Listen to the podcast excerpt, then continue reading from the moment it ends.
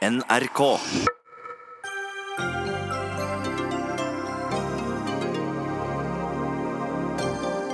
Den ble omtalt som en skamplett i norsk pressehistorie. VG ble i dag felt i pressens faglige utvalg på fem punkter etter publiseringen av den såkalte Giske-videoen. Hun som klaget inn avisen er gjest i Dagsnytt 18. Det samme er VGs ansvarlige redaktør. Storbritannias statsminister Boris Johnson fikk dronningens ja, ja til å suspendere parlamentet i ukevis, og dermed øker sjansen for at landet forlater EU uten en avtale. Unge Venstre føler seg sensurert av politiet. De har forsøkt å argumentere for legalisering av narkotika, men har blitt stanset. Og når vi har kombinasjonen koalisjonsregjeringer og valgår, ja da øker bruken av oljepenger tradisjonelt aller mest, sier professor i økonomi. Samarbeidsregjeringen ja, den starter budsjettforhandlingene i dag. Om tolv dager er det valg.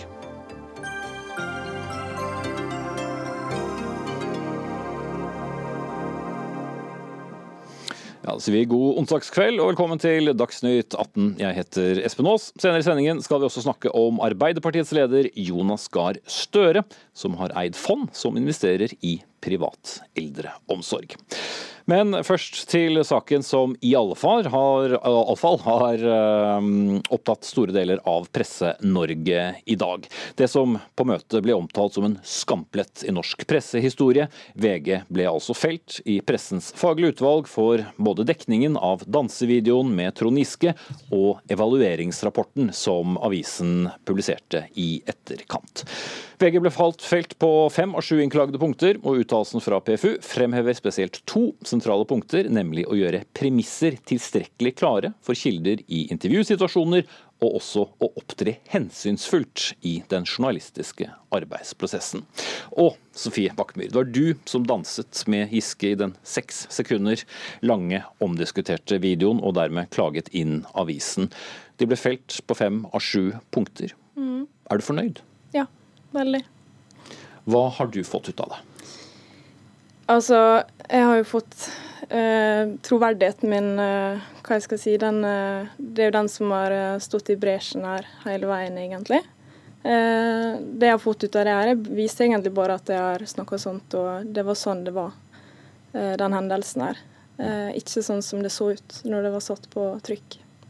Dette var en sak som inkluderte landets største avis, en av landets mektigste menn, og en dragkamp innad i landets største parti.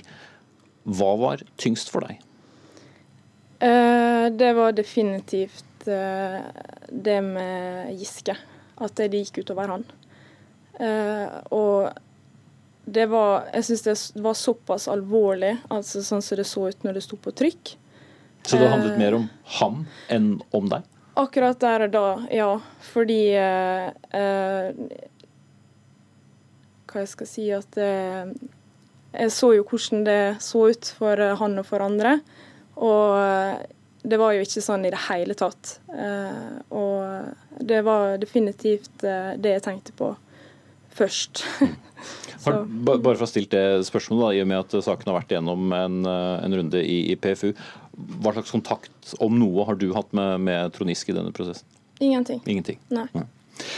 Denne saken har jo da pågått siden februar, da VG først dekket denne bekymringsmeldingen som det ble kalt, da, som kom inn etter at videoen begynte å sirkulere, og deretter siterte deg på at vi danset og hadde det hyggelig, så ble det litt mye. Og Det er bl.a. dette sitatet om at det ble litt mye som du reagerte på. Og VG brukte da 28 dager på å fjerne dette sitatet i saken, etter at du fortalte din historie til TV 2. 28 dager. Hvordan mm. opplevdes det?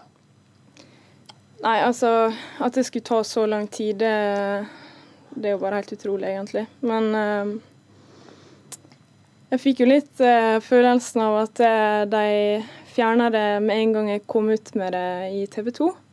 For det var jo Jeg tror det var én dag etterpå de fjerna sitatet. Og da hadde jo jeg gjentatte ganger sagt at det ikke stemte. Mm. Blant annet her i NRK.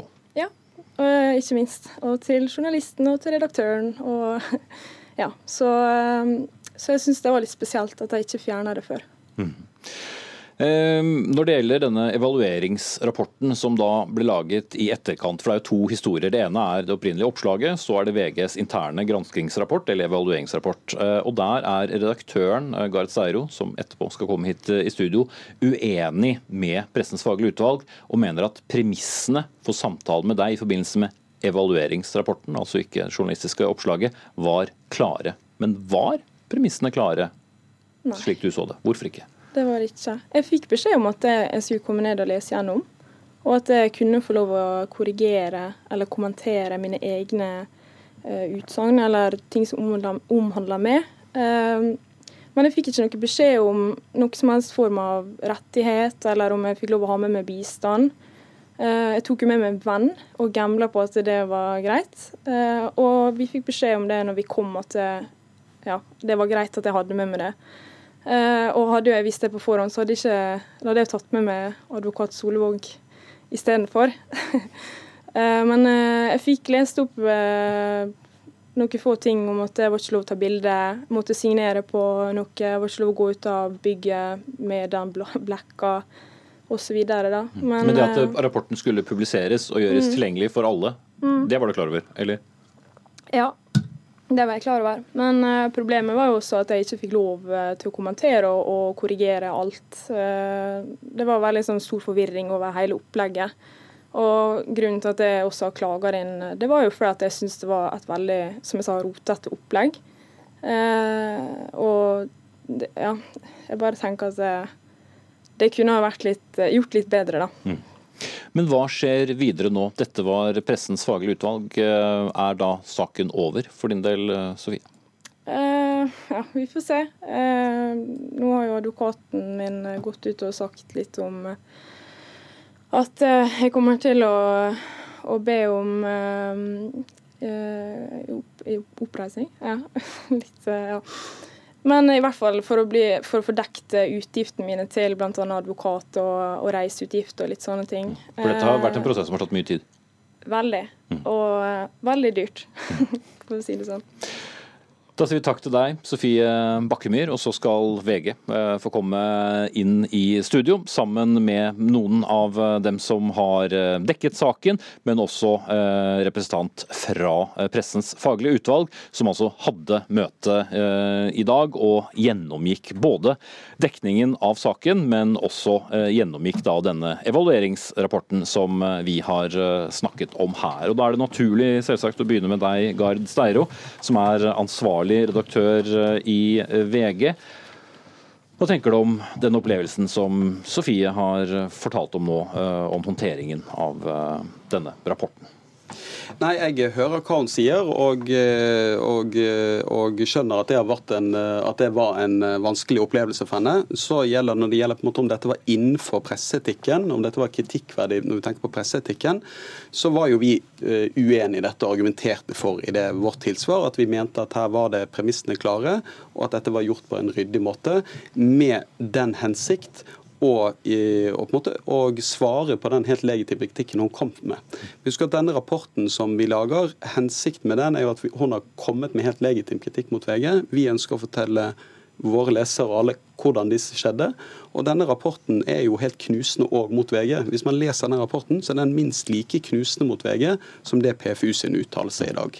Så er det en spørsmål om dette var i strid med punkt, eller med punkt 3.3 ved Vassøplakaten. Det har vi argumentert med at det ikke var. Eh, men når PFU kommer til sin konklusjon i dag, så tar vi den til etterretning. Mm.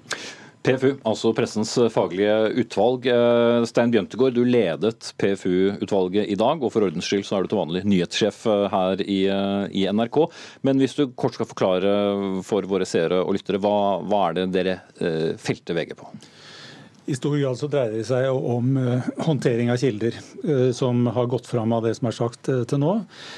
punkt 3.2 er en helt vesentlig paragraf i, i Vær varsom-plakaten, som går på kildekritikk og kontroll av opplysninger. Og Her var det jo helt opplagt at det Sofie ikke ville si, ble trygt. Hun trakk tilbake det hun sa, og, og dette går igjen. Det ble trygt av evalueringsrapporten? Det ble trykt i, eh, i eh, VG først. Når det gjelder evalueringsrapporten, hvis det er det vi snakker om, så er det punkt 3.3 og punkt 3.9. Og det går rett og slett på at hun ikke var komfortabel med premissene. Hun ble ikke på forhånd engang fortalt at hun kunne ta med en bistand. Som hun da gjorde likevel, men det var jo da en person som ikke kjente saken, og som i hvert fall ikke kunne bidra så veldig mye i forhold til en storebror som satt på andre siden, og som var opptatt, sånn som jeg oppfatter av litt andre ting enn en, en at å gjøre premissene klare for det som skulle skje i VG-huset. Egentlig, i og med at dette skulle publiseres, så må det oppfattes som et intervju av henne som skulle brukes og publiseres. Og da må premissene gjøres klare på forhånd. Hva er det dette dreier seg om? Men noen lurer sikkert på hvorfor da Vær varsom-plakaten, som er de, hvor disse paragrafene du viser til, står, som da til vanlig regulerer hva som skrives om i avisene, som sies på radio og TV, hvorfor den også skal anvendes på en evalueringsrapport? Fordi den ble publisert av VG. Mm. Og eh, Egentlig så var jo dette innklaget på et annet punkt i Varvarsom-plakaten, nemlig 3.6, som dreier seg om å gi fra seg upublisert materiale. Men den ikke, rammer ikke her, fordi VG selv publiserer dette. Og Det er jo det som gjør at de andre punktene kommer inn, fordi at da må de også klargjøre premissene for denne publiseringen spesifikt. Mm. Og Det er det vi mener de har sviktet på. Eh, tilbake til deg, Gareth Seiro. Eh, evalueringsrapporten omhandler jo også i stor grad deg. og Derfor så var det VGs nyhetsredaktør Tora B. Håndlykken som hadde ansvaret for evalueringsrapporten. Da var det hun som får da en del kritikk eh, via eh, PFU her. Og klubblederen i din egen avis, eh, Tor Erling Tømt Ruud, han sier til nettstedet Medie24 i dag at vi må merke oss at redaktørene nå blir felt i PFU på de samme punktene som journalisten. Eh, Joakim Skarvøy ble det i rapporten. Han ble suspendert, eller øh, fikk da permisjon i, i øh, seks måneder og ennå ikke tilbake på jobb. Men hva skjer med dere ansvarlige? Det, det skjer, altså denne saken har jo, eh, altså Hvis vi snakker om hele saken her, så har den på en måte Det er ganske mange som har vært involvert i denne saken og har gjort feil i denne saken. og Det har vi erkjent, og det kan jeg sikkert si noe mer om hvordan vi håndterer det. Vi må skille mellom disse to tingene. Det som skjer under, uh, i forbindelse med evalueringsrapporten, er, det er et helt annet premiss for den saken. Selv om det er samme punkter i varselplakaten, så er det to ulike situasjoner. disse to tingene. Så det å, Selv om dette dreier seg om samme punkter i varselplakaten, så er det veldig ulike situasjoner vi snakker om her. Tora Tore Bakke Håndlykt ledet det arbeidet. Jeg mener den rapporten er grundig og god, og der VG viser en åpenhet og en erkjenner egen feil på en måte at få mediehus har gjort på samme måte tidligere. Eh, og Det står jeg for, at det var riktig å gjøre det på den måten. her. Så har vi fått nå eh, blitt felt av PFU for, for å, om premissene kunne vært gjort klarere for Sofie før, før, det møtet. Og det tar vi til etterretning at det kommer der. Og det trekker vi selvfølgelig lærdom av. Så har vi sagt at vi er uenige på det punktet, men når PFU har kommet til sin konklusjon, så, så erkjenner vi det. Mm. Men det får ingen konsekvenser? Nei det, nei, det får ingen konsekvenser for, for, henne. Hun har stått for det arbeidet men hun har ledet det godt, og eh, gjort en riktig jobb med det. Mm. Men det var likevel riktig å permittere nevnte journalist, og også tre andre journalister som var involvert i arbeidet, eh, jobber jo heller ikke i dag som politiske journalister. Ja, altså, når det gjelder enkeltmedarbeidere i uh, mediehuset, så kommer jeg ikke til å gå inn og kommentere dette. Vi har sagt at en journalist er i permisjon, og det er det vi har sagt om det. Dette er en stor og, det, og komplisert sak. Det er gjort flere feil i denne saken. Den har vært alvorlig for VG, jeg har lært av den. Og når det kommer til enkeltmedarbeidere, så mener jeg det er uryddig å gå inn og kommentere det her og nå. Mm. Stein Muntegård, hvor alvorlig er denne saken? Den er svært alvorlig. Eh, den er svært alvorlig for VG. Eh, men den er egentlig også alvorlig for norsk presse. Eh, fordi den har med vår, vår troverdighet, vår alles troverdighet, å gjøre. Og ikke minst da overfor kilder som ikke er så vant med medier. Som ikke, ofte ikke kjenner seg igjen når noe kommer på trykk. Og det må vi ta alvorlig. Ikke bare VG, men det gjelder hele norsk presse. Det må vi ta på alvor. Og, og eh, Sånn sett så var det kanskje på høy tid at, at, dette kom fram på den måten. Selv om jeg ikke unner verken VG eller andre en slik sak. Og det er ikke bra for noen parter. Men, men sånn på sikt så gjelder det jo å lære. Og Da er det mye å lære av VG, eh, for VG, og det er mye å lære for norsk presse i denne saken. Mm. Erik Votland, du er redaktør ved medienettstedet Medier24 og har eh, dekket og fulgt denne saken eh, lenge. Hvorfor er dette en viktig sak som vi bl.a. bruker masse tid på her nå? Jo, for Det handler om tillit. Det handler om at eh, det som skiller oss fra alle andre altså Vi har nettsteder og blogger i dag som, som lever av å skrive artikler og den type ting, som, som mener at de følger liksom, eh, anstendige eh, presseetiske normer, som, som, de kanskje ikke gjør. Men altså, er det én ting vi skal stole på, så er det at VG, som er landets største og viktigste kommersielle mediehus, de skal følge disse spillereglene. Vi har Vær varsom-plakaten i dag, som er ganske tydelig på det. Du skal behandle kilder på en god måte. Hvis jeg angriper deg, så skal du få anledning til å svare. og Det jeg, skal, det jeg skriver, det skal være sant. I, I, denne saken så er man felt for, altså på fem av disse punktene. Eh, det er svært alvorlig. Eh, og jeg tenker jo det at eh, den jobben som Gard Stero har foran seg, den er stor. Mm. Du har i dag sagt at det kan se ut som om VG-ledelsen har mistet gulvet. Hva mente du med det? Altså jo Du drar fram et sitat fra klubbleder eh, Tor Erling Tumtrud som jeg synes er ytterst eh, spennende. For Det han sier, eh, det, det er det faktum at eh, altså, Tor Erling sier at jeg synes felsen er svært alvorlig. Vi må merke oss at redaktørene blir felt i PFU for de samme punktene som journalistene ble i rapporten i forbindelse med denne rapporten. Det viser at det er flere som har begått feil her. Med andre ord, det kan tyde på at man har ansatte i VG som, ikke, som mener at konsekvensene ikke har nådd topplederleddet. Tora Bakke Håndlykken, nyhetsredaktøren, eller sjefredaktøren, men at dette har fått konsekvenser for den aktuelle reporteren, som nå har vært ute i permisjon i, i seks måneder og skal tilbake om en måned. Og Problemet til Garstero det kommer om en måned. Hva skal han bruke denne tidligere politiske reporteren til? Vil du svare på det, Stero? Nei, det vil jeg ikke. Jeg synes det, og jeg syns òg det er noe underlig å si at problemet mitt kommer om en måned. Mitt problem er den saken vi publiserte. Det er det som er mitt hovedproblem. Mitt hovedproblem er at vi gjorde flere alvorlige feil i den saken, som rammet Sofie, som var inne i dette studioet, og som rammet Trond Giske. Det er hovedproblemet i denne saken. Når det gjelder på en måte diskusjonen i VG, så tror jeg at VG i denne redaktører og alle involverte i denne saken har erkjent feil. Vi har vært helt åpne om de feilene vi har gjort. Vi har beklaget de gjentatte ganger, og vi står ved de beklagelsene. Når et mediehus gjør feil som det VG har gjort i denne saken, og jeg er enig i at feilene er alvorlige, så erkjenner vi det, så er vi åpne om det, og så trekker vi lærdom av det. Og jeg, Der er jeg enig med deg, helt enig med deg at denne saken her, det er først og fremst VG som skal lære av den. Det har vi gjort. Vi har satt i gang en rekke tiltak som gjør at dette ikke kommer til å skje igjen, og vi har lært enormt mye av den. Og Jeg tror òg at denne saken har blitt diskutert i andre redaksjoner, der man ser på hva som har skjedd i VG, spør seg sjøl har noe lignende skjedd hos oss, og kan noe lignende skje hos oss igjen.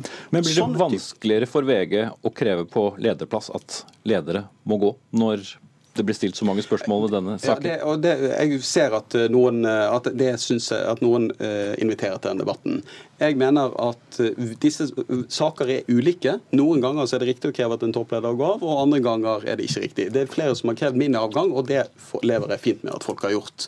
Det, VG kommer fortsatt til å mene sterkt på meningsplass. Vi kommer fortsatt til å drive kritisk og undersøkende journalistikk, og vi kommer til å drive politisk journalistikk. Det at denne feilen har skjedd i VG, det er alvorlig for oss. Og det tar vi på dypt alvor. og jeg det er jeg faktisk sikker på at denne saken her kommer jo til å gjøre vår journalistikk bedre på sikt. Ok. Kristin Skare Orkjøré, du er professor ved Institutt for journalistikk og mediefag ved Oslo MET. Hva har du lest ut av denne fellelsen? Dette er en historisk dag, må jeg få lov å begynne med å si. fordi at dette er jo da åpenbart en helt ny sak som kommer til å gå inn. Jeg jobber da ved en journalistisk eh, utdanning, og ved journalistutdanningen i Oslo og de andre i Norge så kommer dette til å gå inn nå på pensum. Det er helt klart. Eh, hvis vi skal se tilbake, så er det kanskje Tore Tønne-saken som var den siste forrige i 2002, som sitter i veggene rundt omkring i norske mediehus, men også står på læreplaner, og som vi mm. lærer studentene våre. En mann som altså valgte å avslutte sitt eget liv pga. et stort medietrykk, Et for å minne folk om det. I en helt annen tid, det var før sosiale medier, og det var en helt annen sak, men som har vært eh, kanskje da Eh, den største skampletten i norsk mediehistorie, vil en del påstå. Eh, eller pressehistorie når det gjelder presseetikk. Og i dag så er jo da det begrepet brukt på nytt. Så det, her er vi da eh, Dette er en viktig dag. Mm. Det er også interessant dette at evalueringsrapporten nå vurderes på samme måte som det journalistiske materialet. Mm. For der har du sagt at dette er noe vi kan komme til å se mer av? Det eh, kan vi nok, da. Eller det vil vi jo eh, se. Men altså, jeg er veldig interessert i at når alle her på litt forskjellig måte eh, refererer til læringspotensialet. Eh, fordi allerede for et år siden så foretok vi noen intervjuer altså i forskningsøyemed i eh, de største norske mediehusene og snakket med de som hadde jobbet tettest på eh, metoo-dekningen. Da var jo den akkurat ja, den første fasen over. Og da gikk, var nettopp et av de spørsmålene vi stilte dem, redaktører og journalister, hva har dere lært av da denne metoo-kampanjen. Og da gikk Flere av redaksjonene sa da eksplisitt at det vi har lært, og det som overrasket oss, var hvor sårbare en del uerfarne kilder er. Og blant annet så ble det da referert til disse ungdomspolitikerne, ikke de mest profilerte, men de som ikke hadde fått så mye medietrening. Og både journalister og redaktører snakket veldig åpent om hvor overraskende det var at de f.eks. ble helt satt ut når de fikk forespørsel om en uforpliktende samtale med en journalist. At ikke de visste forskjellen på det og et intervju. Jeg tror noe av kjernen her er eh, spørsmålet hvor mye har man lært? Og når man sier nå må vi lære av dette, eh, så er det veldig viktig at det går inn. Og det gjelder slett ikke bare VG den første delen av VG-saken er det ikke noe så eksepsjonelt ved, på et vis. Alle har opplevd slurv eller noen dårlige arbeidsmetoder under press. Eh, oppfølgingen kan man jo diskutere eh, i mye større grad. Men at vi tar med oss læringen her videre inn, nettopp mot det bakteppet av økende eh, oppmerksomhet på det som blir kalt falske nyheter, desinformasjon, og som det har vært inne på her, at tilliten til pressen er en skjør blomst, så mm. den må vi passe uhyre godt på. Ja, for Det har jo også vært et element her, uh, Våtland, ikke bare for, for, VG, men det er noe med metodikken, om øh, hvordan man har vist at noen journalister uh, jobber, og kanskje enda flere gjør som ikke vi ser. Handler det om at pressen selv må bli mer åpen om hvordan vi faktisk jobber? Ja, altså Det å forklare redaksjonelle valg, det, det tror jeg på en måte, altså i, i, den grad norsk presse skal ha en kampanje, så bør det være den kampanjen vi gjør det neste året. Altså Det å forklare hvorfor gjør vi som vi gjør. Hva vil det si, hva er forskjellen på en kommentar og en journalistisk liksom, bearbeidet artikkel, den type ting. Jeg tror det er helt åpenbart, og jeg tror vi som mediehus, eh, også medier, vi er nødt til å vise mye mer åpenhet overfor leserne våre. Altså hvordan en sak kommer fram, altså hvordan ender man opp at dette blir en sak, hvilke redaksjonelle valg er som er der, og, og den type ting. I dag florerer det av konspirasjonsteorier rundt norske journalister. Det ser vi hver eneste dag. Jeg tror det å, eh, det å skape mer åpenhet, eh, sånn som bl.a. VG har gjort med denne rapporten, eksemplarisk, det må vi gjøre mye mer av. Så kan vi prøve å ikke bli mm. felt i PFU. Kanskje ikke gjøre det på akkurat samme måten? Eller? Kanskje ikke bli felt i PFU hver gang. Nei. Mm. Karsteiro, helt til slutt, hvordan skal du gjenvinne folks eh, tillit til nyhetsjournalistikken i VG? Jeg, tror det gjør vi ved å lage god journalistikk. Det mener jeg vi har gjort uh, til, i veldig mye stor grad etter denne saken ble publisert. VG har jo ikke stått stille i den perioden. Jeg er stolt av mye av det arbeidet vi har gjort, og vi kommer til å levere god journalistikk framover. Og så tror jeg du vil se, og det ser du allerede, at denne saken, de konkrete tiltakene vi setter inn, både på etikk, på kildeoppfølging og på akkurat som Våtland sier her, å vise mye større åpenhet om eh, våre feil. Der kommer vi til å gå i front i. Norge.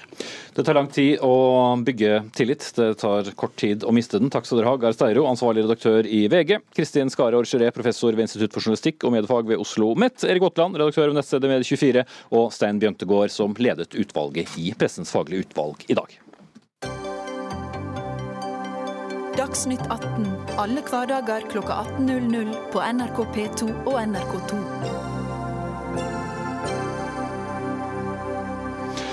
Nå i ettermiddag har NRK avslørt at Arbeiderpartiets leder Jonas Gahr Støre har investert i fond som investerer i kommersiell eldreomsorg. Dette skjer samtidig som Arbeiderpartiet går til valg mot privat profitt i nettopp velferd. Og Magnus Takvam, politisk kommentator her i NRK, hva slags sak er dette? Ja, dette er jo en sak der NRK har bedt om innsyn og fått det i Jonas Gahr Støres eh, investeringer i ulike fond. Eh, og som du sier, så har eh, man i ett av disse fondene, når man har gått nedover i alle lag i porteføljen, sett at eh, det også er gjort en investering i det kommersielle omsorgskonsernet Stendi, som tidligere het Aleris Omsorg, og som, som du sier, nettopp er den typen selskap som Arbeiderpartiet har trappet opp den politiske kampen mot. Vi må også si her at det er en relativt liten investering i det store bildet.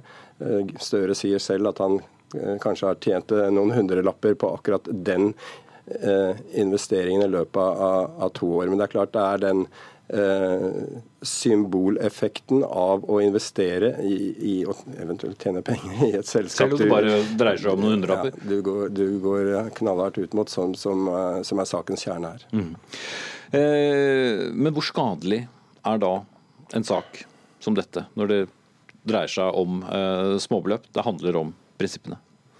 Det er jo gitt historikken, eh, der mange husker at eh, Støres private økonomi i forrige valgkamp, og mm. også eh, investeringer i omstridte den gang britiske hedgefonds, var det vel, gjorde at at det kanskje bidro til å, å, å, å, vippe Arbeiderpartiet bort fra regjeringsmakten. Det ble en veldig dårlig sak for, for, for Støre. Så det er klart at når, og Arbeiderpartiet, når man nå eh, igjen har en sak eh, som den vi snakker om, så må man jo spørre seg om man har vært eh, hvorfor man ikke har klart å unngå det denne gangen. Det, det er i seg selv en grunn til at man eh, har kommet uh, at, at, den er skadelig. Det, det, er det ingen tvil om. Mm. Men er det, altså, er det fond som Støre selv aktivt har gått inn i, eller har han bare investert i fond som igjen har investert? Altså, hvor, hvor aktiv rolle har Arbeiderpartilederen hatt i disse investeringene? Altså, det Støre gjorde etter den forrige valgkampen, var å bestemme at han nå eh, ville på en måte holde seg borte fra sine egne investeringer og overlate sin portefølje til profesjonelle forvaltere da i DNB. Og han ga på veien den beskjeden at de skulle forvaltes på en måte som var i tråd med oljefondets etiske retningslinjer. Eh, det skulle være eh, langsiktige eh, investeringer osv. Og så har ikke han utover det blandet seg inn i hvordan investeringene fysisk har skjedd. Og det, det, som da er blitt avdekket, er at ett av disse fondene, det er et såkalt private equity-fond, som er ment uh, som et fond som skal gå inn i selskaper som, som ikke er uh, ferdig på børsen ennå. Det er nye selskaper som trenger kapital, og som investorene kan følge med når de følger med på, på investeringen og tjener penger på det når de etter hvert blir etablerte og, og, og store. Men der i porteføljen til dette selskapet så eier man eh, et underselskap som igjen har investert i dette Stendi som jeg, som jeg snakker om. Eh, og Støre var overrasket da han hørte om det, og, og, og ba DNB trekke, trekke, pengene hans ut av dette, dette fondet. Men poenget er Hvorfor kunne han ikke da eh, på forhånd være mer uh, føre var og, og, sikre seg at, eh, at denne, ting, denne, typen ting ikke skjedde en gang til? Mm. Takk skal du ha, politisk kommentator her i NRK, Magnus Takvam. Du kan lese mer om denne saken på nrk.no, og det er også et oppslag om saken i Dagsrevyen etter Dagsnytt 18. Vi inviterte også Jonas Gahr Støre til å kommentere saken her i Dagsnytt 18.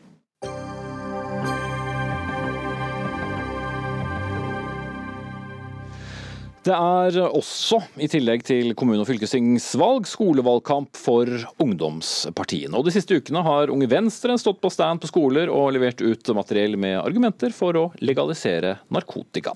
Flere skoler eh, har ønsket å stoppe ungdomspartiets kampanjer, og enkelte steder har også politiet tatt kontakt med dere i Unge Venstre. Sondre Hansmark, du er leder der. Eh, før vi går til den konkrete saken, hvorfor er det viktig å nå ut til tenåringer? om fortelle at eh, man kan legalisere narkotika?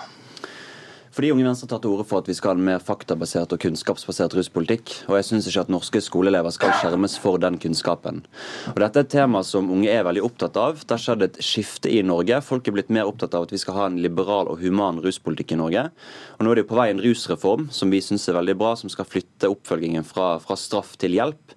Men vi mener at vi må gå lenger enn det. Vi må regulere det svarte markedet. Vi må ta tyren ved hornene og sørge for at vi får et bedre regulert rusmarked enn det vi gjør i dag. Og hvordan har det gått? Nei, Det har gått litt uh, som så. Uh, vi opplever at både politiet, Norsk Narkotikapolitiforening og skolene prøver å, prøver å hindre oss i å fremme vårt budskap. Og Det tror jeg aldri før har skjedd i en norsk skolevalgkamp Hvordan noensinne. blir det hindret, helt, helt konkret? Det varierer. Noen skoler viser til at dette er i strid med opplæringsloven. Det er det ikke. Noen steder så tar altså politiet og Norsk Narkotikapolitiforening kontakt med skolene for å fortelle de at de mener at vi agiterer til bruk av cannabis. Og Det er jo selvfølgelig helt feil. Vi dukker ikke opp på skolene med verken cannabis eller et budskap om at det er sunt å bruke for noen. Vi er tvert imot veldig tydelige på at enhver, altså, bruk av ethvert rusmiddel er farlig, og det er en fare forbundet med det. Men det vi snakker om er at vi trenger en ny ruspolitikk i Norge som hjelper de 260 menneskene som hvert år dør av odelsdødsfall, istedenfor at politiet skal bruke ressurser på å jage etter unge folk som bruker lettere rusmidler. Da vil jeg slippe deg, Jan Erik Bresil, du er styreleder i Norsk Narkotikapolitiforening. Og jeg tipper at omtrent 99% av de som hører, ikke vet hva det er. Er det politiet, eller hva er dere? Vi er en ideell organisasjon, og det er jo organisasjonsfrihet i Norge. Og vi har rundt 3500 medlemmer. De fleste er politifolk, men vi har fra Forsvaret, fra tollvesenet, kriminalomsorgen og andre. Og vi jobber for forebygging og fag. Så vi jobber forebyggende med vår kampanje 'Bry deg, si nei til narkotika', som retter seg frivillig inn mot foreldre på skoler. Og så jobber vi med å fremme faget internt ved å øke kompetansen hos politiet, tollvesenet og andre som trenger kompetanse. Så det er greit. Men når Unge Venstre vil øke kompetansen hos eh, 16-åringer, så er det ikke greit? Jo, og fra den første kronikken som vi har skrevet, så har vi forsvart ytringsfriheten. Jeg skriver i første kronikken at vi ønsker debatten velkommen. Vi syns det er helt greit at Unge Venstre har disse meningene som de har. Jeg er faglig helt uenig, og det er sånn debatter skal foregå. Det vi har tatt fram som vi mener er problematisk, det er spesielt noen deler av eh, effektene som de har brukt.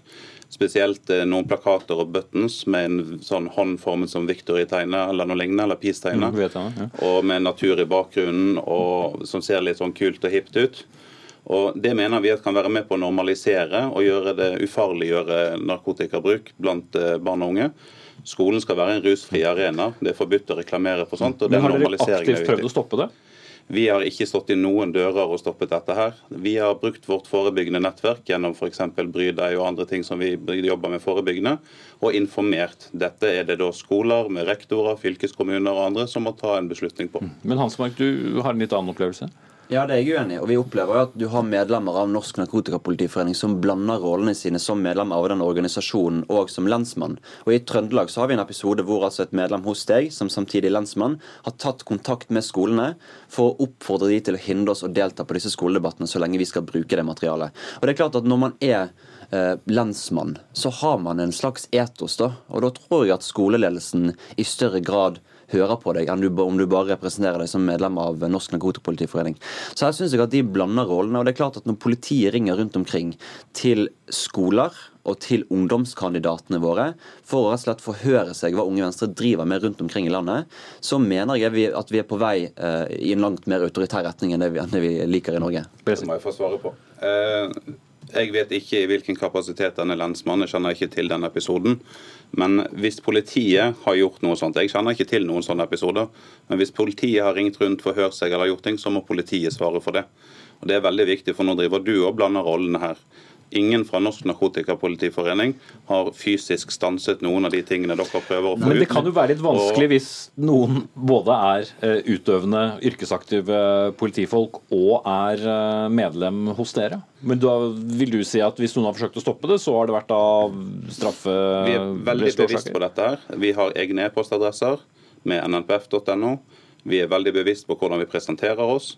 Eh, Den personen som eh, du sier at har skrevet dette på Vestlandet, han er ansatt hos oss. Så vi er veldig bevisst på denne rolleblandingen og har et stort fokus på dette. Men det er faktisk organisasjonsfrihet og ytringsfrihet også i Norge.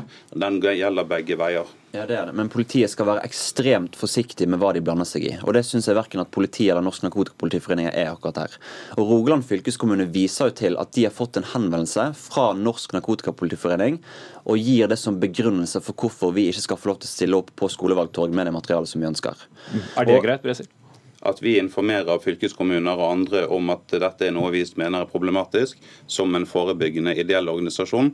Undertegnet med det, sendt med e-post fra det, fra en ansatt hos oss, det syns jeg er helt innenfor ytringsfriheten, som jeg forsvarer at du har, og som jeg forventer at du forsvarer tilbake at jeg har. Ja, men jeg syns ikke Norsk Narkotikapolitiforening gjør det. Og som ansatt i politiet så må man være mer forsiktig. For dette er snakk om, unge folk, dette er snakk om unge folk som reiser rundt på skolevalgtorg og blir altså møtt av skoleledelsen på forskjellige steder, hvor de blir nektet å ha med seg politisk materiale av en viss karakter. karakter.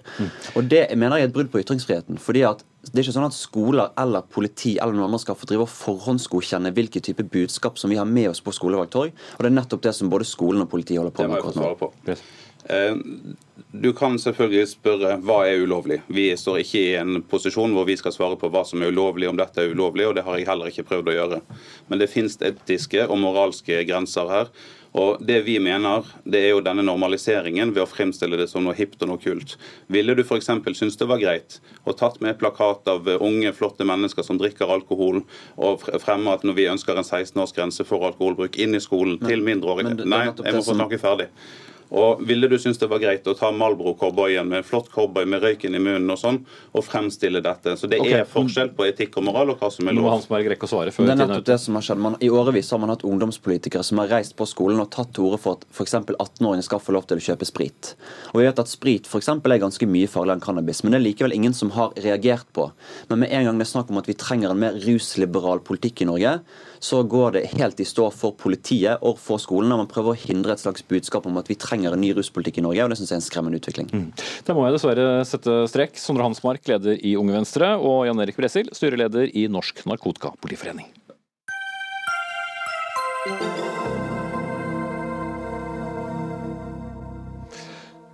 Jeg tror jeg har sagt setningen før, men det er dramatiske tider i britisk politikk. Vi skal snakke om det litt senere i sendingen, men nå skal vi hjem og til eh, budsjettforhandlingene som koalisjonsregjeringen her i Norge startet. Hvor det skal tas viktige avgjørelser om hva regjeringen skal bruke hvor mye penger på til neste år.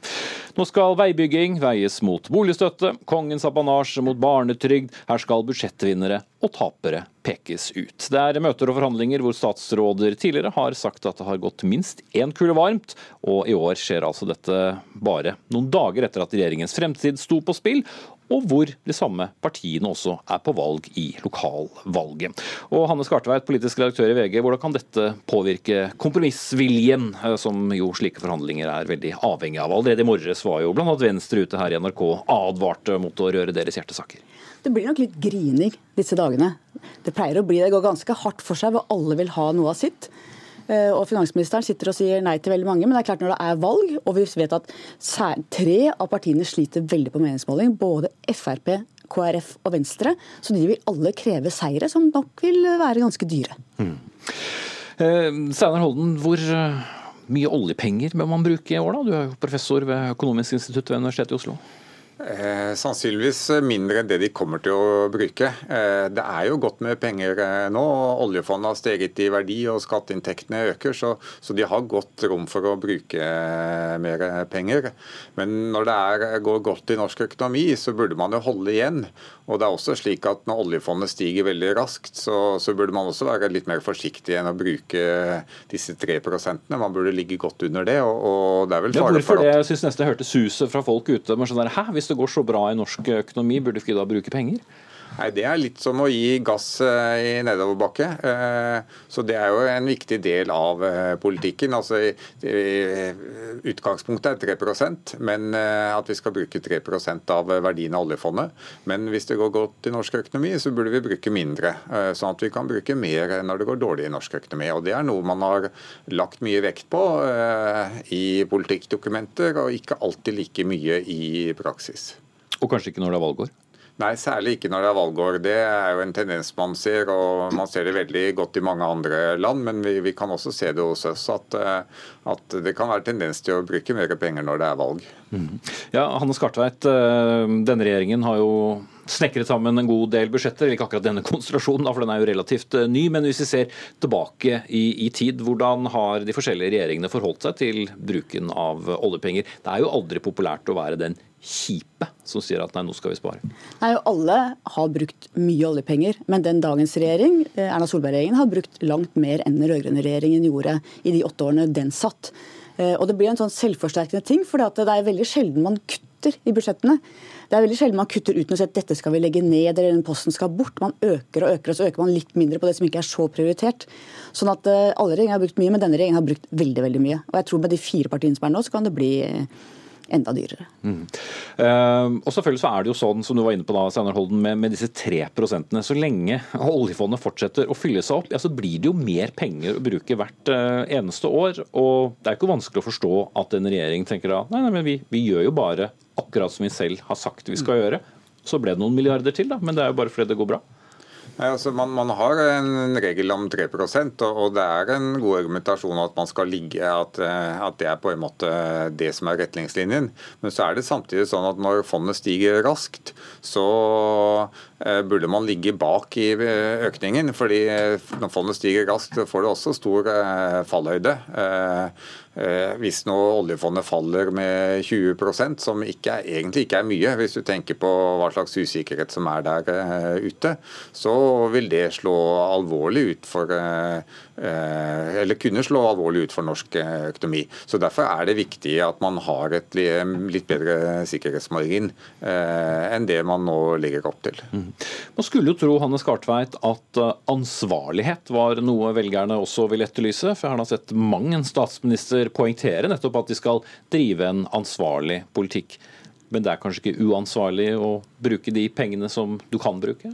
Jo, Folk vil kanskje ha ansvarlighet på andre saker enn de sjøl er opptatt av. Og jeg tenker Departementet som vi alle bør være ganske glad i, er jo Finansdepartementet. Og de lager noe som heter Perspektivmeldingen, som høres veldig tørt og kjedelig ut, men som skriver fram bl.a. eldrebølgen og disse tingene. ikke sant? Og de sier alltid at det, det kommer eldrebølge, det kommer store utgifter. Vi må enten jobbe mer, betale mer skatt eller kutte i offentlige utgifter. Og Det ligger litt fram i tid og lenger enn de fireårsperioden som en valgperiode er. Så at valgperioden er mye kortere enn det langtidsperspektivet som økonomene i Finansdepartementet sitter og tenker klokt om. Mm. Og den Perspektivmeldingen har blitt trukket fram, eh, og den kom jo ikke under denne regjeringen, men den forrige. Alle vet jo at på et tidspunkt så blir utgiftene til eh, bl.a. eldre så høye at de som Hannes Karte sier, vi har ikke penger nok til det. Så det er der du mener man burde gått inn litt tidligere, så hadde man vært bedre forberedt? Nei, eh, så, så, Nå har vi jo denne handlingsregelen eh, som sier 3% og den er en fornuftig regel eh, foreløpig. Eh, eller det, det, er en fornuftig regel, men, men eh, når det går veldig godt i norsk økonomi, så burde vi bruke mindre. Eh, for ikke eh, Fordi det er et godt prinsipp som man har der, og for å ha noe å gå på når økonomien svekkes. Og så er det klart at på litt lengre sikt så, så må vi også ta inn over oss at eh, det kommer til å bli stadig mindre nye oljepenger inn der. Og, og Før har vi på en måte kunnet greie oss på at det har kommet nye oljepenger inn. og Da må vi ta inn over oss også at eldrebølgen kommer. Eh, så, så etter hvert så må, nok, eh, må vi komme, nok, komme til å under 3 eh, men det er nok ikke akkurat nå at politikerne vil være med på det. Og snakke minst mulig om. Jeg tenker Det er imponerende når vi ser hvordan man faktisk så langt har klart å håndtere eh, oljerikdommen. At man har laget en handlingsregel. Det er noe med den norske nøkternheten som i hvert fall så langt har gjort at man har ikke gått helt fullstendig bananas heller. Så må vi håpe at det varer, da. Mm. Takk skal dere ha. Hannes Skartveit, politisk redaktør i VG. Steinar Holden, professor ved Økonomisk institutt ved Universitetet i Oslo. Hør Dagsnytt 18 når du vil. Radio NRK Radio.nrk.no.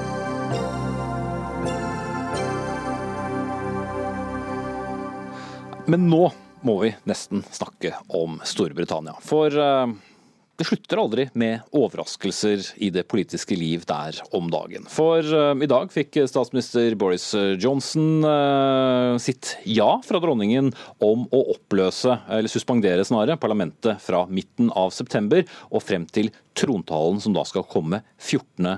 oktober. 17 dager før Storbritannia skal være ute av EU. Og Det var bare to timer siden at bekreftelsen kom på at dronningen har sagt ja til Johnsons eh, ønske, og det kan gjøre det vanskelig for opposisjonen å hindre at britene går ut av EU uten en avtale. Også partifeller av Boris Johnson har reagert sterkt på planen om å oppløse parlamentet så lenge, eller suspendere det da, og kaller det hele udemokratisk. Trine Andersen, du er redaktør for nettstedet britiskpolitikk.no, og du var blant de som ble ganske overrasket da du så denne nyheten om å suspendere parlamentet? Ja, jeg ble i hvert fall overrasket over at det kom nå. Jeg ble ikke overrasket over at Boris Johnson kom til å gjøre det, for det har på en måte ligget litt i kortene. Det har vi hørt, men at han skulle gjøre det så tidlig, det, det må jeg si overrasket meg. Og at han gjør det i en så, over en så lang periode. Det er vel også noe av det folk reagerer veldig sterkt på. ikke sant? Vanligvis så blir en sånn suspensjon på fire-fem dager. Her snakker vi om fire og en halv uke. Det er veldig lenge. I brevet sitt så argumenterer han jo med at eh, parlamentssesjonene har vært veldig lange de siste årene, ikke minst pga. selvfølgelig av brexit. Eh, parlamentsmedlem har måttet møte tidligere, har sittet eh, lenger og mener at dette er da på tide å gjøre noe med det. Men egentlig så handler jo selvsagt alt om brexit. Det gjør det. Og det er klart at konstitusjonelt sett så jo, er det jo ingenting i veien for at han skal gjøre det. Det er jo ganske vanlig at en ny statsminister oppløser et parlament og, og vil ha en trontale hvor han kan legge fram fram sin politikk og sin, sine lovforslag, men at han gjør det med dette bakteppet som vi nå har med brexit og den store politiske krisen Storbritannia er inne i, det, ja, altså Det er jo ikke noe rart at opposisjonen reagerer. Øyvind Svendsen, du er eh, forsker i NUPI, altså Norsk utenrikspolitisk institutt. og I ettermiddag så har du publisert en uh, sak på NRK Ytring der du skriver om nettopp denne utviklingen i britisk politikk. Du er da ikke overrasket over Johnsons ønske, det går på noe av det samme som Andersen sier her. Men hva hva slags praktiske konsekvenser får dette? Hva vinner Boris Johnson med, med å suspendere parlamentet? Det er jo altså, overrasket eller ikke overrasket. Det er, jo, det er jo nok en kanin opp hatten i brexit som kommer, eh, som kommer nå. men eh, jeg vil legge fokus på dette med at Boris Johnson ønsker, tror jeg, å få til eh, selvfølgelig brexit den 31.10. Det er hele hans statsministerkarriere basert på. Det var sånn han ble valgt. Eh, om det blir med eller uten avtale, gjenstår å se. Men jeg tror jo gjerne at det Boris Johnson gjør nå, er å, å, å la parlamentet hvile, eh, for å si det sånn. Sånn at han kan eh, gå til Brussel og prøve å faktisk få til noe på denne backstoppen og disse irskegrensen, sånn at Boris Johnson kan legge frem en avtale. Helt på tampen blir det nå, fordi parlamentet ikke får samles. Så blir det helt på tampen, og da får parlamentet valget. Da blir det ikke Theresa Mays avtale, det blir Boris' avtale eller no deal. Og det vet vi at parlamentet ikke ønsker. Så, så Boris Johnson oppnår at han kan presse sitt eget parlament når, når, tiden er knapp, når den tid kommer. Men også at han har større grad mulighet til å presse EU, fordi EU vil jo heller ikke ha noen no deal. Så kanskje er det mu mer mulig for Boris Johnson å få EU til å gi etter på, på Så klokt uh, trekk, men mange lurer jo på hæ, hvordan kan en statsminister holde folkevalgte medlemmer unna nasjonalforsamling? Ja, det ser du på meg, eh, Espen. Det, altså det som også er veldig spesielt her, er jo at vi har med en statsminister å gjøre som også har møtt i parlamentet en eneste dag etter at han ble statsminister. Han ble jo statsminister faktisk dagen, ett dagen før parlamentet tok sommerferie. Og, og så har han altså drevet med forskjellige utspill i fire og en halv uke. Så lar han parlamentet sitte igjen fem-seks eh, dager, og så suspenderer han det. Det er jo også svært spesielt. Det vet jeg veldig mange som reagerer på i, i Storbritannia også. For her er jo snakk om at parlamentet skal jo tross alt etterse noe av det regjeringen gjør. ikke sant? Og det får de da ikke gjort i fire og en halv uke. Men jeg tror at, eh, at du har litt rett i dette her med at han, at han kanskje også gjør dette her eh, sånn taktisk sett overfor EU. Men han, jeg tror også han gjør det fordi at han vil forberede seg litt på en, eh, en, et, nytt, et nyvalg, rett og slett. Det, som kan komme hvor tidlig? Det kan komme ganske tidlig. men Jeg tror ikke det kommer før 31.10. Men vi, vi, kan jo se for oss at det blir en mistillitsavstemning mot Boris Johnsen til uka. Mm. Om den lykkes, det vet vi jo ikke. Hvis vi går litt tilbake i tid, så var det jo alle disse avstemningene om Theresa Mays avtale, som EU i utgangspunktet har sagt det er det som ligger på bordet. Så har Boris Johnson vært og møtt Angela Merkel, han har eh, vært og, snakket eh, med Macron og fått noen ørsmå endringer. Men er det også litt den faren eh, som ligger eh, for ham i å ende opp som Theresa May, med å aldri få igjennom noen ting i parlamentet som, eh, som spøker bak her?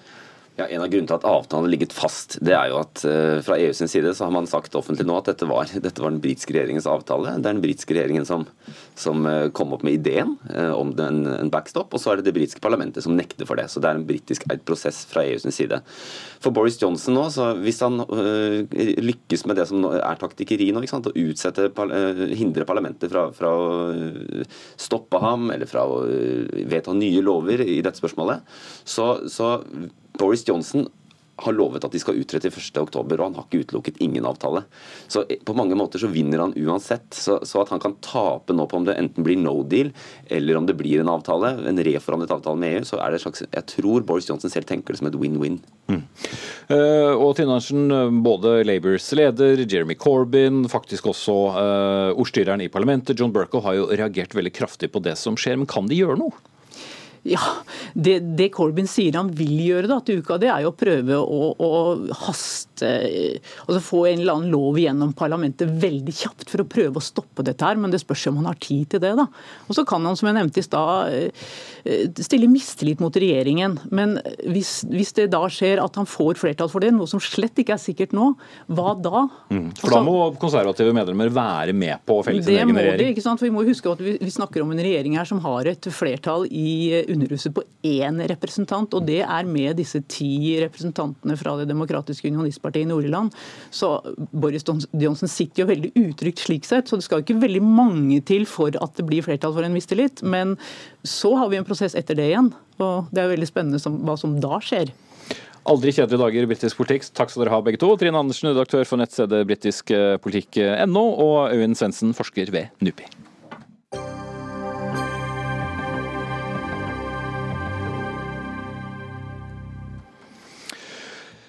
Før eh, boken som heter 'Det trengs en landsby' ble lansert, så ble den slaktet av noen, i alle fall. For i boken tar fagsjefen Sigrun Aasland i den sosialdemokratiske tankesmien Agenda opp eh, konsekvenser av mindre sosial mobilitet og mer arvelig fattigdom. Men Magnus Marsdal, du er leder i den venstreorienterte tankesmien Manifest, og du skriver at denne boken eh, følger, slett ikke følger noen sosialdemokratisk tankegang, men eh, snarere en liberalistisk. Hvordan da? Den sosialdemokratiske visjonen om utjevning som forandra Norge særlig gjennom 1900-tallet, handla om å løfte alle posisjoner, alle yrkesposisjoner som renholder, sjåfør, hva som helst, til et liv i verdighet, likeverd, økonomisk trygghet osv. Mens det boka vi snakker om nå tar for seg, er jo sosial mobilitet i betydninga den statistiske sjansen for at du flytter, f.eks.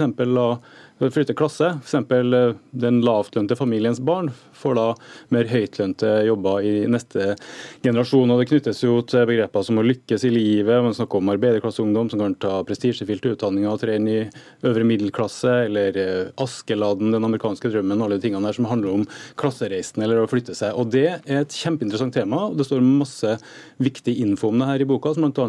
handler om at ikke alle barn har en rettferdig startstrek i det her den konkurransen om sosial mobilitet. Men det er en meritokratisk idé om utjevning som handler om å gjøre det mest mulig rettferdig i den betydning at det er dine egne meritter dine egne prestasjoner som skal løfte deg opp og fram. Og det vil alltid være en utjevningspolitikk for de få, mens den sosialdemokratiske handler om de mange. Ja, Sigurd Aasland, det er du som har skrevet denne boken, og ellers fagsjef da i Tankesmien eh, Agenda. Er det det liberalistiske svaret du har kommet med? Nei, det er det jo ikke. Og jeg tror Magnus Mørsdal og jeg deler uroen for økende sosiale forskjeller. Jeg syns dette er en litt sånn eh, gigantisk stråmann eh, og en merkelig argumentasjon. Det er ikke noen motsetning mellom å ønske små forskjeller, som boka handler veldig mye om, og si at sammenhengen mellom hva dine foreldre har og du har, Eh, er en indikasjon på Eh, hvordan vi fordeler mulighetene i samfunnet. Og Hvis det er sånn at alle de rikes barn fortsetter å være rike når de er voksne, og alle de fattiges barn fortsetter å være fattige når de er voksne, så er det en urettferdig fordeling. Så ville det selvfølgelig være det aller beste om vi hadde mye mindre økonomiske forskjeller, og det står det ganske mye om i denne boka også. Eh, men det er altså sånn at de barna som fødes inn i de laveste inntektsgruppene i landet vårt, har blitt hengende stadig lenger etter i betydningen inntekt og muligheten til jobb når de er voksne, og, og innelåsing i en lavinntektssituasjon. Og Det er ikke et bra sted å være for noen. Og Det handler ikke om hva slags jobb de har, det handler veldig ofte om å ikke komme seg ut i jobb i det hele tatt. Mm. Men poenget til, til Marsdal da om at det er mer opp til hver enkelt? Nei, for det er en litt sånn ut, en misforståelse å si at det å måle sosial mobilitet som inntektsplassering er å ønske seg at alle skal ha mest mulig utdanning, f.eks. Å måle sosial mobilitet handler egentlig bare om å prøve å finne sammenhengen mellom foreldres inntekt eller utdanning eller andre mål, og barna deres når de blir voksne. Og jeg tenker De aller fleste i dette landet vil være enig i at foreldres lommebok skal ikke være avgjørende for hvilke muligheter du selv får i livet. Mm. Hvorfor er dette viktig, Marsha? Eh, nei, for Det er stor forskjell på en utjevningsvisjon som handler om å løfte alle, og en utjevningsvisjon som måler så statistiske sannsynligheten for at du kommer deg opp og ut av f.eks. en lavtlønt eh, bakgrunn. Og Det er jo interessant å se på årsakssammenhengene her, for du i boka teller jo bare tall. Men tenk litt på årsakene. Eh, forfatterens bekymring er jo at mulighetene for å klatre ved å jobbe hardt er svakere i dag, fordi at du sitter mer fast i foreldres bakgrunn, og at målt intelligens forklarer mindre av den økonomiske ulikheten enn før. Betyr det da at forrige generasjons fattige tredel i Norge var fattige i større grad enn nå fordi at de var late og mindre intelligente individer? Men er det det du skriver? Nei, det er ikke det jeg skriver. Men du mener jo at I dag så teller hardt arbeid mindre, og IQ teller mindre.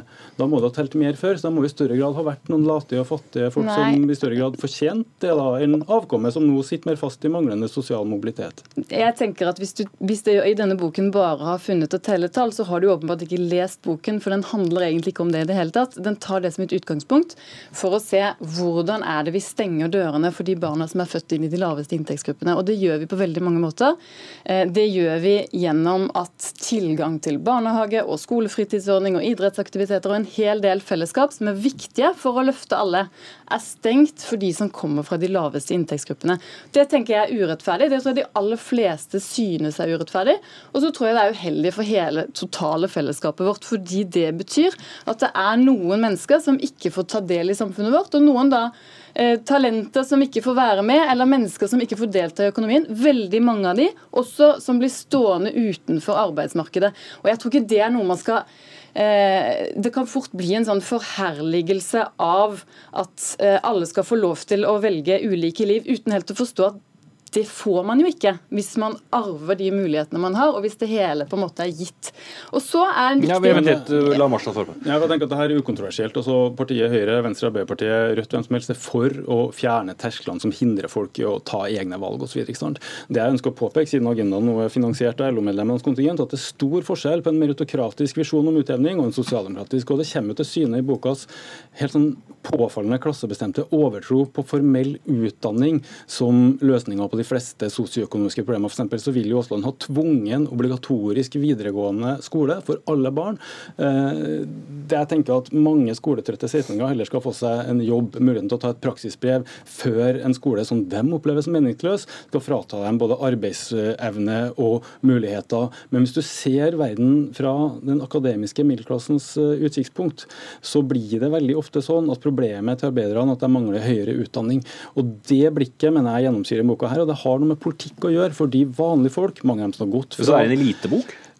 Ja, Det har et elitistisk blikk på hva utjevning er. Fordi, og, og vanlige folk merker jo og det har de merka de siste 20-30 årene på sosialdemokratiske storpartier hva som holdes fram som ideal, nemlig utdanning, utdanning, utdanning, og hvem det er vi snakker til. Og Vi får en politikk som er for de få, dem som kommer seg opp og ut, og ikke for de mange, som er den politikken vi må ha for å få flertall og forandre Norge på ny. Mm, jeg håper at Magnus Marsdal vil lese boken, og så håper jeg at veldig mange andre vil lese boken. Eh, og så er det ikke sånn at den boken handler om at alle må ta høyere utdanning. Det er ikke uttalt et eneste sted i boken at alle må ta høyere utdanning. Det er, sånn, det er sånn i Norge at veldig mange faller fra videregående skole, og det er også de som har vanskeligheter med å få jobb i dagens økonomi. Veldig mange av de kommer fra lavinntektsfamilier. Da har jeg spurt i boken og drøftet hva er det vi har gjort i skolen og i oppveksten og i fellesskapene som gjør at det har blitt mer klassebestemt hvem som får lov til å trives og mestres på skolen. Det handler også om eh, det er tydelige klasseforskjeller på hvem som har det bra på skolen, hvem som får hjelp til lekser hjemme, og hvem som eh, opplever at de mestrer skolen. Og Det har ikke noe med akademisering å gjøre. Dette handler om barns oppvekst og om hva som er sjansene til de barna som tilfeldigvis er født inn i en lavinntektsfamilie kan kort ta den siste ballen, for vi har eh, under et minutt igjen. Ja, Der tror jeg er et patent uh, feil. I stedet for å spørre hva som er gærent med store deler av arbeidsklassens ungdommer og unger i skolen, som skyldes hjemme, så skal vi spørre hva som er gærent med skolen. Og som gjør at den ikke passer for store deler av, store deler av, av befolkninga. Så I stedet for å tvinge stadig flere gjennom en middelklassedominert skole, så de skal bli mer som oss, så må vi lage en skole som ivaretar de ulike ferdighetene i befolkninga. Da er det ikke utdanning, utdanning, utdanning som er svaret på samfunnets problemer, men en mindre middelklassedominert skole. Men har du lest boken? Det har jeg. Ok. Da får dere diskutere den på sånn ut, veien ut. Kanskje du kan eh, lese litt høyt ute i, i sofaen hvis det er tvist igjen. Takk skal dere ha, Sigrun Aasland, forfatter av boken 'Det trengs en landsby', og Magnus Marsdal, leder av Tankesmien Manifest. Dagsnytt 18 er ved veis ende. Det var eh, Dag Dørum som var eh, ansvarlig for den. Erik Sandbråten tok seg av det tekniske. Jeg heter Espen Aas. Vi er tilbake igjen i morgen.